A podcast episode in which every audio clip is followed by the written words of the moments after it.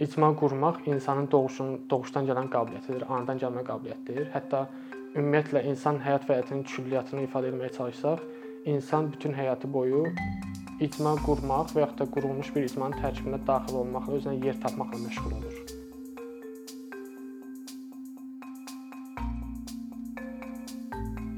Bir neçə il əvvəl icma quruculuğu ilə bağlı çalışdığım layihə məqsədi ilə Qarabağ bölgəsindəki qəsəbələrdən birinə köçüb orada işləməyə, həm də çalışmağa başladım.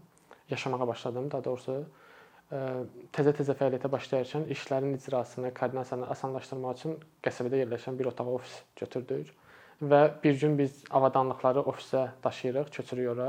Kənardan qəsəbə sakinləri, əsasən orta və yaşlı kişilər bizi görüb maraq içərisində bizə yaxınlaşıb sorğu sual etməyə başladılar ki, yəni kimsiz, nəçisiz? Biz də başladıq öz məqsədimizi, məramımızı onlara bildirməyə ki, biz filan məqsədlə burdayıq. Bu məqsədə çatmaq üçün filan tədbirləri, filan fəaliyyətləri görəcəyik. Onlara izah edirdik ki, əsas hədəf qruplarımız qadınlar və 29 yaşa qədər olan gənclərdir. Amma qadınlar deyəndə onların ifadəsi, səs tonu biraz dəyişdi bizə qarşı. Başladılar sorğulamağa ki, niyə qadınlar, kişilər yox? Onların dilinə desəm, onlar başladı demək ki, siz bu günlərim qadınlara ingilis dili öyrədəcəksiniz, sabahlarım qadın arvad arvadlara ingilis dili öyrədəcəksiniz, sabah arvad deyəcək ki, yaxşı, sağ ol, mən sənə ehtiyacım yoxdur, köçürəm mən İngiltərəyə. Təbii biz izah etməyə çalışdıq ki, niyə görə bizim hədəf qrupumuz qadınlar və gənclərdir, amma mənasız idi orada, çünki o anda onların fikirlərini dəyişmək çox çətin, bəlkə də mümkünsüz idi. Amma sonralar geri dönüb baxanda o hadisəni xatırlayanda mən görürəm ki, o hadisə mənə çox şeyi öyrədib. Bunların bəziləri sosial psixologiya ilə bağlı, insanların baxış bucağı, hadisələrə yanaşma tərzi ilə bağlıdır, amma bunlar mövzumuza çox da əlaqəli deyil, amma əsas istəyirəm fokuslanım mövzumuza əlaqəli olan tərəflərinə.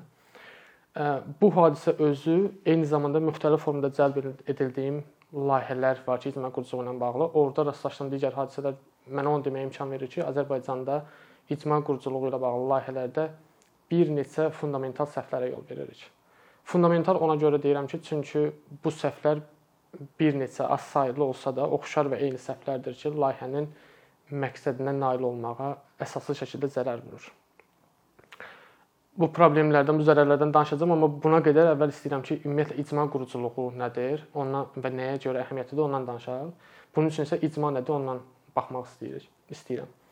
İcma mən deyərdim ki, insan icma qurmaq insanın doğuşun doğuşdan gələn qabiliyyətidir, anadan gəlmə qabiliyyətidir. Hətta ümumiyyətlə insan həyat həyatının külliyyatını ifadə etməyə çalışsaq, insan bütün həyatı boyu icma qurmaq və yaxud da qurulmuş bir icmanın tərkibinə daxil olmaqla, özünə yer tapmaqla məşğul olur.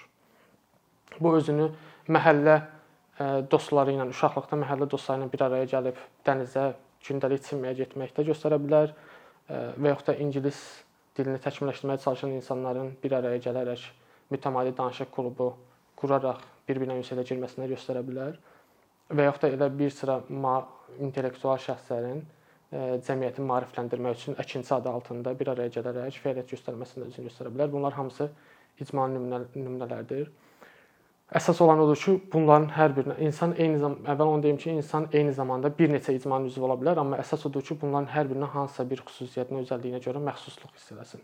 Məsələn, gündəmə uyğun olaraq nümunə versək, ayın 18-də, dekabrın 18-də biz görəcəyik Bakıda bir sıra məkanlarda Argentina azarkeşlərinin icması və Fransa azarkeşlərinin icması bir araya gələrək oyunu izləyəcəklər o anda həmin icmada olan insanlar eyni zamanda hansısa bir bank, X bank, X universitet, X əlilliyi olan şəxslərin, X şirkətin icmasının üzvləri olacaqlar. Amma məhz o anda onlar hamısı ən çox bağlılığını hiss edəcək Argentina azarkeşi olma və ya da Fransa azarkeşi olma icmasına. Daha daha makro səviyyədə yanaşsaq, əslində dövlət özü də bir icmadır, icma quruculuğunun nəticəsidir. Ancaq beləliklə icma iki əsas iki yanaşma ilə təyin edilə bilər. Bunlardan birincisi coğrafidir. Yəni hansısa bir məkan çərçivəsində bir araya gələn insan, bir yerdə yaşayan insanlar topluluğu. İkincisi isə hansısa bir özəlliyə və ya dəyərə sahib, dəyəri paylaşan insanların birgəliyidir. Ancaq yenə dediyim kimi hər iki mənada da önəmli olan bir sıra faktorlar var ki, o icmanın uğurlu və dayanıqlı olmasını gətirib çıxarsın. Bunlar nələrdir? Mümkün qədər sıx və mürəkkəb əlaqələrin bir olması, insanların o icmaya məxsusluq hissini duyması və insanlar arasında bu sosial əlaqələrdə etimadın mümkün qədər güclü olması. məsələn, ailəni bu etimad mən deyərdim ki, etimad mövzumuzun birinci açar sözüdür. Nəyə görə? Elə xatırladım, başda xatırladım məsələyə qayıtsaq və nəzərə alsaq ki, ailə də bir məndə bəlkə də ən qısa miqyas, ən ən balaca miqyaslı icmadır. Əslində o qəsəbədə biz orta miqyaslı icmanı qurmağa gedərkən elə birinci gün bizə aydın oldu ki, əslində daha balaca miqyaslı icmada, yəni ailədə etimad hissi zəifdir. Bu da öz özündə ümumiyyətlə icmada etimad hissinin olmaması və zəif olması müxtəlif problemlər gətirib çıxarır. Sosial layihələr kontekstində isə icma mövzusu ümumiyyətlə icma quruculuq biraz da konkretləşir. Əslində çıxışımın bu hissəsinə qədər aydın etmək istədiyim məsələlərdən biri də icma quruculuğu ifadəsinin bizim adətən yanlış istifadə etməyimizdir. Çünki əksər hallarda o layihələr ki, iddia edir ki, filan icmanı qurmağı planlaşdırırlar, hədəfləyirlər. Əslində o icma artıq hansısa formada mövcuddur.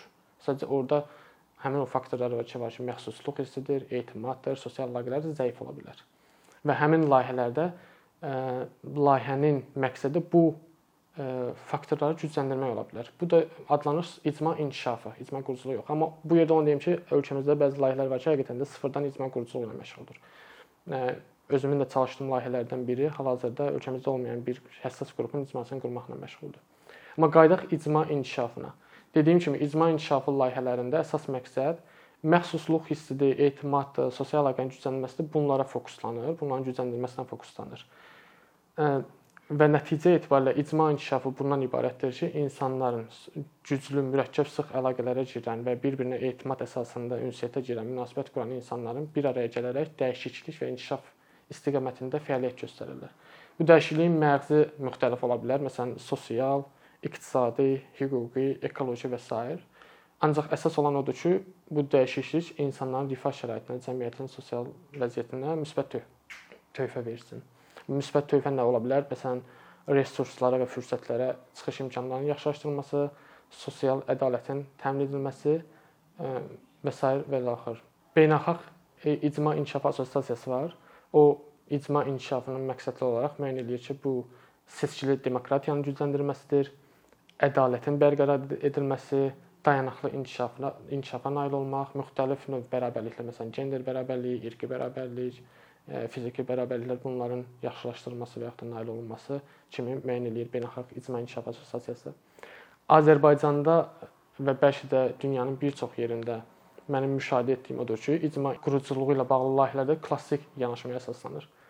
Klassik yanaşma deyəndə nəyi nəzərdə tuturam? Belə ki, mərkəzdə, bizim nümunəmizdə Bakıda cəmləşmiş, bir araya gələn insanlar, intellektual şəxslər, sosial məsuliyyət hiss edən şəxslər bir icmanın problemlərini, ehtiyaclarını müəyyənləşdirir, zəif tərəflərini dəqiqləşdirirlər, aydın edirlər və başlayırlar proqramlar yazıb çizməyə, layihələr ərsəyə gətirməyə ki, o problemlərə həll yolu tapsınlar, o zəif tərəfləri gücləndirsinlər. Bunlar üçün ekspertlər tutulur, mütəxəssislər cəlb edilir ki, müəyyən ideyalar verilsin ki, biz necə eləyək ki, bu adamların zəif tərəflərini gücləndirək, problemlərini həll edək, ehtiyaclarını qarşılayaq və s. və ilə axır. Və bu yanaşmanın bəzi e, mənfi çatışmaz tərəfləri var. Nələrdir bunlar? Birincisi e, bu yanaşmada insanlar bilik, bacarıq, istedadlarına görə yox, ehtiyaclarına, problemlərinə, çatışmazlıqlarına görə kataloqlaşdırılır. İkincisi, icmanın inkişafına xərcləməsi nəzərdə tutulan maliyyə əslində faktiki olaraq ekspertlərə, mütəxəssislərə xərclənir. Üçüncüsü, icmada belə bir anlayış meydana gəlir ki, biz öz-özümüzə hansısa inkişafa, dəyişikliyə nail olmağa qadir deyilik. Bizim inkişafımız kənardan bir İsa'nın gəlməsi ilə mümkündür. Və ümumiyyətlə ən əsası odur ki, layihə icraya başlayanda aydın olur ki, ümumiyyətlə bu icmanın belə bir problemi ehtiyacı yoxdur. Ya da varsa da hal-hazırda o prioritet kəsb eləmir. Bu məsələnin bir də sosial, psixoloji tərəfi var. Bu nədir? E, sosiologiya deyir ki, insana siz dəyişiklik gətirəndə insan bunu zorakılıq kimi qəbul edir.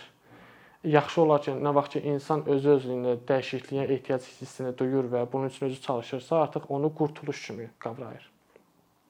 Yəni klassik yanaşma həm də onu deyir ki, biz bu layihələrin icra zamanı insanları incidə də bilərik. Bütün sadaladığım faktorlar layihənin məqsədinə nail olmasına zərərli e, təsirlər göstərirlər. Ancaq e, həll yolu da düşünülüb, alternativ yanaşma da düşünülüb. Dünyada artıq 30 ildən çoxdur, keçən əsrin 80-ci illərin axırlarından etibarən işlənib, hazırlanıb və tətbiq edilir.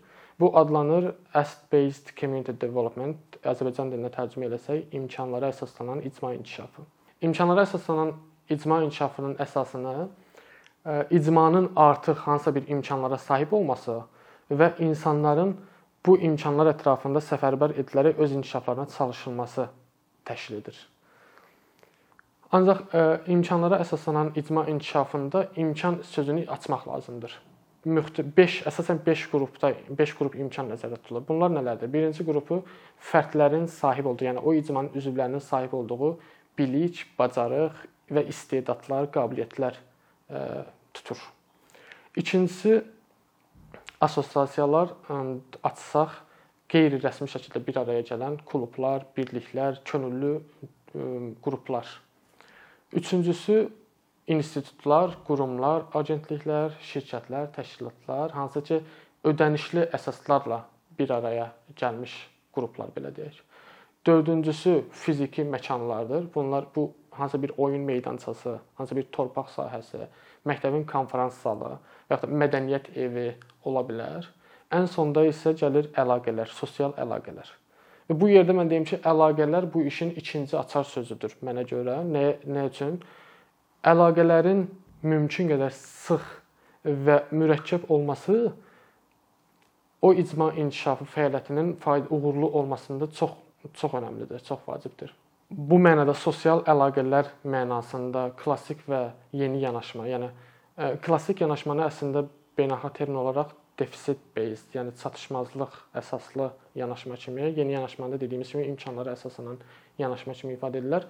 Arasındakı e, fərqi faktiki nümunələrlə izah etsək, məsələn, klassik yanaşmada tənhalıq hissi olan ahılların, yaşlı insanların tənhalıq hissindən e, qurtulması üçün hansı bir layihə görüləcək? Layihə nədən ibarət olacaq? Bir mərkəz tutulacaq, e, tərtib ediləcək və müxtəlif bu tənhalıq hissini duyan müxtəlif yaşlılar bir araya gətiriləcək, bir-biri ilə ünsiyyətə girməsi təmin ediləcək və münasibətlər qurulacaq.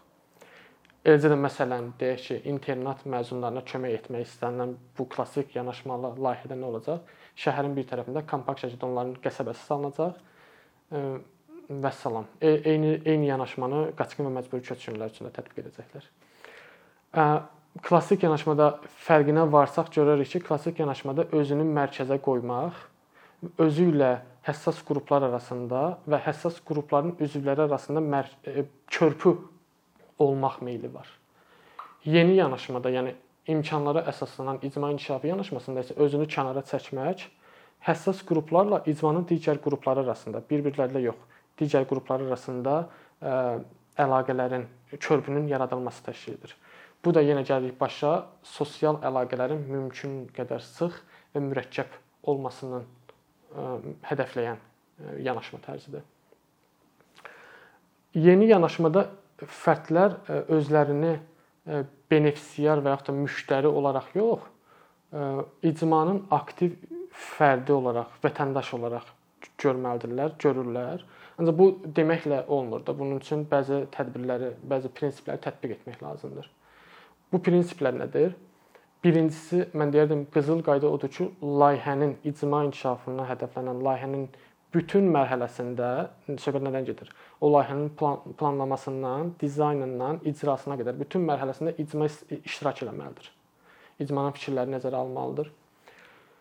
Bu bu nə verəcək bizə? Bu verəcək ki, icma o layihəni, o layihənin fəaliyyətlərini və nəticəsini sahiblənəcək, artıq özününkü görəcək nəticədə icmanı sahiblənəcək.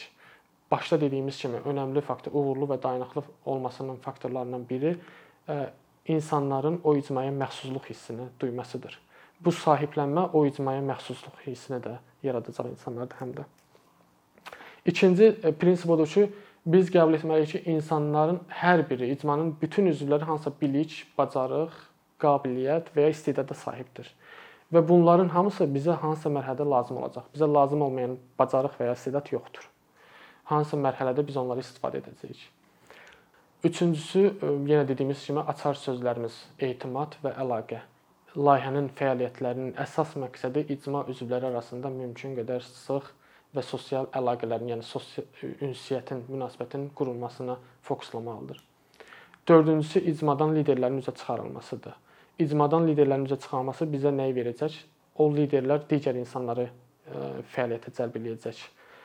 Bunun üçün onların müxtəlif fırsatları, təsir vasitələri var. Məsələn, onların əlaqələri ola bilər, o icmadakı digər insanlarla əlaqələri ola bilər, onlara olan etimad ola bilər, hansı ki, bu nüfuzlu şəxslər ola bilər, etimad ola bilər.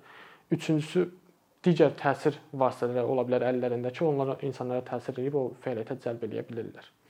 Ancaq liderlərin çıxarılması üçün bizə lazımdır motivasiya mənbələrinin tapılması. Burada komandanın, yəni layihə komandasının üzərinə düşür o motivasiya mənbələrini tapmaq ki, bir insan, icmanın fərdi özündə ə, irəli addım atıb təşəbbüs irəli sürmə cəsarəti tapsın, eyni zamanda ilhamlansın.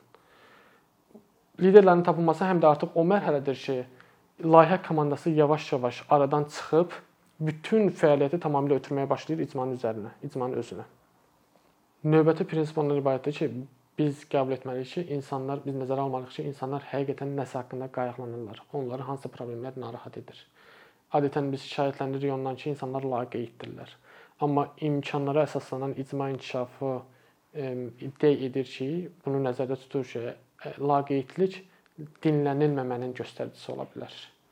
Bəlkə də biz onları dinləmirik deyə onlardan laqeydlik hiss edirik. Ona görə də bu məsələnin olmazsa olmazlarından biri dinləməkdir. Soruşmaq, dinləmək, soruşmaq, dinləmək təsəvvür edə bilməyəcəyimiz dərəcədə çox çox vacib faktordur və olmazsa olmazdır bu işin. Yəni bəzən bəzən yox, hətta deyərdim, adətən suallar insanları iştirakçılığa cəlb etmək üçün onlara verilən cavablardan daha təsirlidir. Çıxışımı heç bir şərh vermədən məşhur bir ifadə ilə yekunlaşdırmaq istəyirəm. Səhv eləmirəmsə, Avstraliyalı aborgenlərin yerli əhalinin icmasının inkişafı üçün ə, həyata keçirilən klassik yanaşmalı layihələrə etiraz olaraq həmin icmanın üzvləri tərəfindən səslənən ifadə idi bu. Onlar deyirdilər ki, əgər sən mənə kömək etməyə gəlmisənsə, onda vaxtını boşa sərf eləyirsən. Yox, əgər bunun fərqindəsən ki, sənin qurtuluşun mənim qurtuluşumla bağlıdır, o zaman gəl birlikdə çalışaq.